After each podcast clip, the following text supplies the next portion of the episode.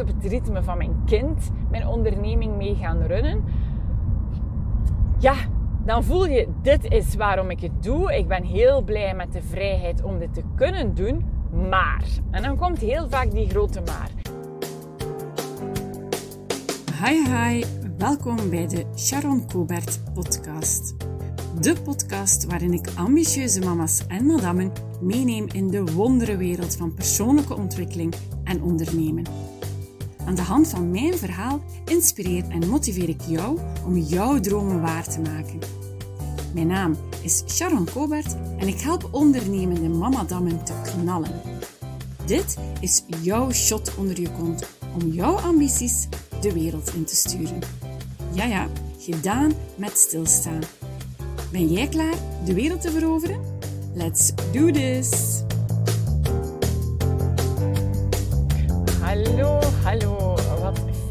Dat jij weer aanwezig bent of luistert naar deze podcastaflevering. Vandaag wil ik het met jou even hebben over een typisch mama-onderwerp. Namelijk zieke kindjes. Ja, we zijn weer aangebroken. De winter is goed in het land en je hoort het overal zieke kindjes. Als ik op mijn Instagram scroll, dan zie ik mama's die foto's nemen van kindjes in de zetel, onder vliesdekentjes, de griep, luchtweginfecties, noem maar op. Het is weer helemaal van de partij. Maar zieke kindjes en ondernemende mama zijn, dat is soms wel een beetje een uitdaging. Nu, ook in loondienst. Hè. Begrijp me niet verkeerd. In loondienst moet je natuurlijk wel wat geregeld krijgen als je zieke kinderen hebt. Maar eenmaal je onderneemt, dan kom je vaak een beetje in een, in een paradox terecht. En dan merk ik doorheen de jaren dat ik ambitieuze mama's aan het begeleiden ben, ambitieuze mamadammen, eh, onder mijn vleugels neem om hen te helpen groeien, merk ik dat op het moment dat kinderen ziek zijn, mama's heel vaak in een tweestrijd terechtkomen. Enerzijds willen ze er natuurlijk heel erg graag zijn voor hun kinderen. En is dat ook vaak een reden waarom ze gestart zijn met ondernemen. Als ik luister naar eh, your why, als ik luister naar de waarom, waarom je iets doet, heeft dat ook heel vaak te maken met de balans met het gezinsleven en er zijn voor kinderen, zeker op jonge leeftijd, uh, ze naar school kunnen brengen, ze kunnen afhalen, maar er ook zijn op momenten dat het moeilijk gaat en op momenten dat ze bijvoorbeeld ziek zijn. Dus heel vaak gaan ambitieuze mama's zoiets hebben van, het is toch goed, ik probeer mijn agenda zo leeg mogelijk te maken. Ik zorg dat ik bij mijn kinderen kan zijn. Ook iets heel typisch voor mama's. Ik zeg niet dat papa's helemaal niet naar hun kinderen omkijken. Uh, er zijn zeker uitzonderingen. En ik mag met mijn eigen man ook niet klagen. Hij gaat ook wel uh, proberen in de mate van het mogelijke. Maar toch merk je heel vaak dat die zorg in eerste instantie op mama's en schouders terechtkomt. Um, het is zo'n beetje precies logisch. Heeft natuurlijk te maken met onze maatschappij, heeft te maken met onze geschiedenis. En nog niet zo lang geleden hadden vrouwen geen carrière. Nog niet zo lang geleden waren vrouwen gewoon thuis om voor de kinderen te zorgen en voor het huishouden in te staan. Dus het is ook logisch dat in onze programmering, in ons systeem, nog altijd het luikje zit. Oké, als mama ben je er voor je kinderen. En je gaat dan, zoals ik zei, je agenda proberen leegmaken. Je gaat uh, zorgen dat jij voor die zorg voor je zieke kind kan instaan. Ik heb het gisteren nog meegemaakt. Ik was uh, op verplaatsing als ik plots telefoon kreeg van school. Dan bellen ze de mama. Um, dat ik plots telefoon kreeg van school van ja, Sharon, um, Linde voelt zich niet zo lekker. Ze is al eens naar het toilet moeten lopen, heeft moeten overgeven. Kan je ze komen ophalen?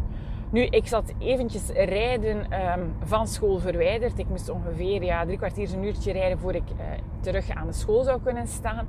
Dus ik heb mijn man opgebeld. Gelukkig had hij geen, uh, op dat moment geen uh, klanten meer staan. Was hij bezig met administratie en met cursussen en zo te ontwikkelen. Dus had hij wel de ruimte om zijn agenda even stil te zetten en om Linde te gaan halen. Maar toch voel je op dat moment als mama van ik moet zo snel mogelijk hier proberen afronden. Of althans, ik voel dat.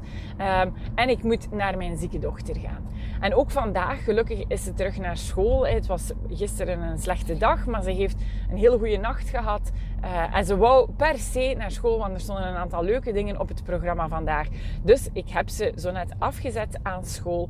Um, maar toch voelde je gisteren al van, ja, de vraag: Sharon, kan jij morgen bij Linde blijven als het nodig is? Ehm, en dan ga je ook op zoek in je eigen agenda van: kan ik ervoor zorgen dat ik bij mijn kind ben? En waarom de paradox? Omdat natuurlijk als je het moment dat je beslist van oké, ik ga mijn agenda, mijn klantwerk, mijn, mijn uh, webshop even uh, wat trager laten verlopen. Ik ga uh, misschien social media even op een zijspoortje zetten. Ik ga echt op het ritme van mijn kind mijn onderneming mee gaan runnen. Ja, dan voel je, dit is waarom ik het doe. Ik ben heel blij met de vrijheid om dit te kunnen doen. Maar, en dan komt heel vaak die grote maar. Maar Sharon, ik heb nog zoveel die ik zou willen doen. Ik had zoveel gepland. Er staat zoveel op mijn to-do-lijst slash de kermisbak, zoals ik hem liever noem. Ehm, er, staat zoveel, of er zit zoveel in mijn kermisbak. En dat gaat nu niet. Want ik ben bezig met moederen. Ik ben bezig met er te zijn voor mijn kind. Waardoor ja, heel mijn planning weer in de war loopt. Waardoor uh, ik niet kan doen wat ik eigenlijk wou doen.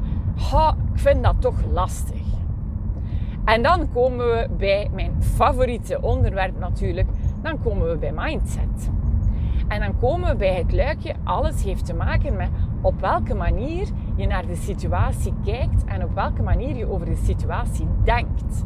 En ik leg de nadruk op het woordje denken, want alles valt en staat met jouw gedachten. Het zijn jouw gedachten die jouw emoties triggeren. Het zijn jouw emoties die jouw handelen triggeren. Maar het startpunt zijn dus wel effectief die gedachten.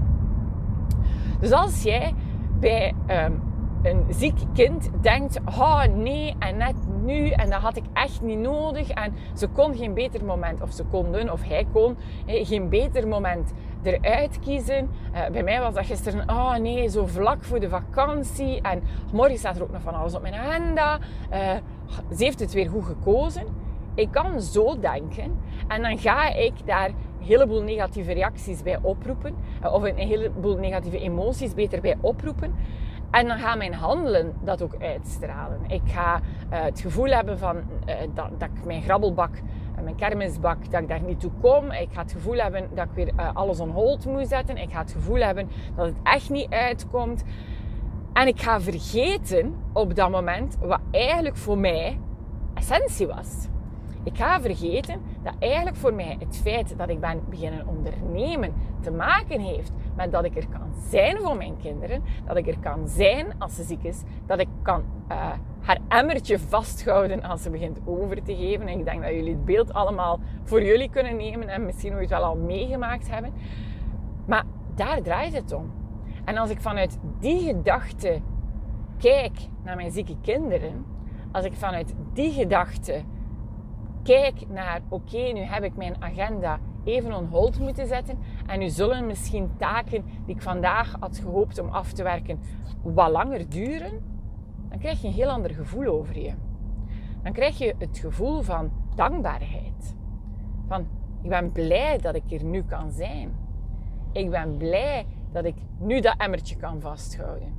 Ik ben ook blij dat ik in de mogelijkheid ben om mijn ziek kind bij te staan. Want draait of keert wat je wil, heel vaak hebben zieke kinderen nood aan een mama. En ik weet niet hoe oud jij bent als luisteraar, maar ja, zelfs ik heb dat soms. Hè. Eh, als ik eh, heel erg ziek ben, dan denk ik soms, was mijn mama hier nu maar? Omdat ik dan weet dat mijn mama uh, mij een soepje zou brengen en misschien een koel washandje zou brengen. En dat zij ervoor zou zorgen dat het huishouden blijft lopen en de was aan de plas wordt gedaan. Maar als ik ziek val, er wordt ook wel voor mij gezorgd en mijn man zorgt wel voor mij. Maar toch sta je veel meer aan. Je moet denken aan, ja, is er wel eten en uh, hebben de kindjes alles mee en de kindjes die nog aandacht komen vragen. Dus zelfs als volwassene denk je soms, ha, of ik toch, stuur mij misschien even een berichtje als je dat herkent. Dan weet ik dat ik niet de enige ben die dit voelt. Maar ik denk dan soms, was mijn mama hier maar. En Kinderen zijn ook zo. Kinderen gaan heel vaak, als ze zich niet goed voelen, nog altijd naar die mama-figuur trekken. En gaan nog altijd die, uh, heel vaak die mama gaan opzoeken en aan de mama hangen. En hopen dat de mama hen verzorgt. Heeft opnieuw te maken met het feit dat we die zorgende taak ook veel meer opnemen. Maar wees daar dankbaar voor. En ga dan gewoon gaan kijken op die to-do-lijst op die kermisbak of in die kermisbak, wat zit erin die echt noodzakelijk is? Wat zit erin die echt niet kan wachten? En heel vaak als je die oefening doet, ga je merken dat er eigenlijk niet zoveel in zit die echt per se vandaag of morgen af moet. Het zou helpen als het vandaag of morgen af moet. Het zou misschien ervoor kunnen zorgen dat je iets sneller een nieuwe klant aantrekt. Of dat je iets sneller bestellingen op je webshop binnenkrijgt. Of dat je iets sneller uh, mensen uh, krijgt die, die een afspraak willen boeken voor iets. Dat kan. Maar het is op zich niet essentieel. Je zaak gaat niet over kop gaan als je even de pauzeknop indrukt. Die pauzeknop druk je ook in als je op vakantie bent. Ik ga binnen twee weken een weekje op vakantie. Ja, dan gaat alles wat op een lager pitje. Ik wil die eigenlijk helemaal niet meer aanwezig zal zijn op social media. Uh, ik zal af en toe nog wel eens posten, maar het gaat op een lager pitje of het staat vooraf geprogrammeerd. Maar mijn zaak blijft wel lopen, ook als ik vakantie heb. En je zaak blijft ook wel lopen, ook als je voor je zieke kinderen zorgt. Als jij bijvoorbeeld een um, beauty salon hebt, om maar iets te zeggen. Ik heb een aantal klanten in de beauty sector. Ja, het is niet omdat jij een aantal klanten teleurstelt, tussen aanhalingstekens, omdat je hun afspraak moet annuleren omdat jouw kinderen te ziek zijn, dat ze dat niet gaan begrijpen. Zeker de mama's onder jouw klanten gaan begrijpen van ja, als een ziek kind ziek is, dan is dat nu eenmaal zo. En sommige afspraken, daar kan je gewoon niet onderuit. En dan moet je oplossingen zoeken in je netwerk. Uh, moet je oplossingen zoeken via bepaalde diensten die opvang voor zieke kinderen voorzien. Er zijn mogelijkheden genoeg. Maar het draait vooral om die paradox. En het is die paradox die ik gewoon de laatste tijd zo vaak hoor bij de mama's waar ik, ja, waar ik mee connecteer, bij de mama's waar ik mee in verbinding ga. Die paradox tussen ik wil heel graag zorgen en ik wil heel graag zijn ten opzichte van, ja, maar wat dan met mijn zaak?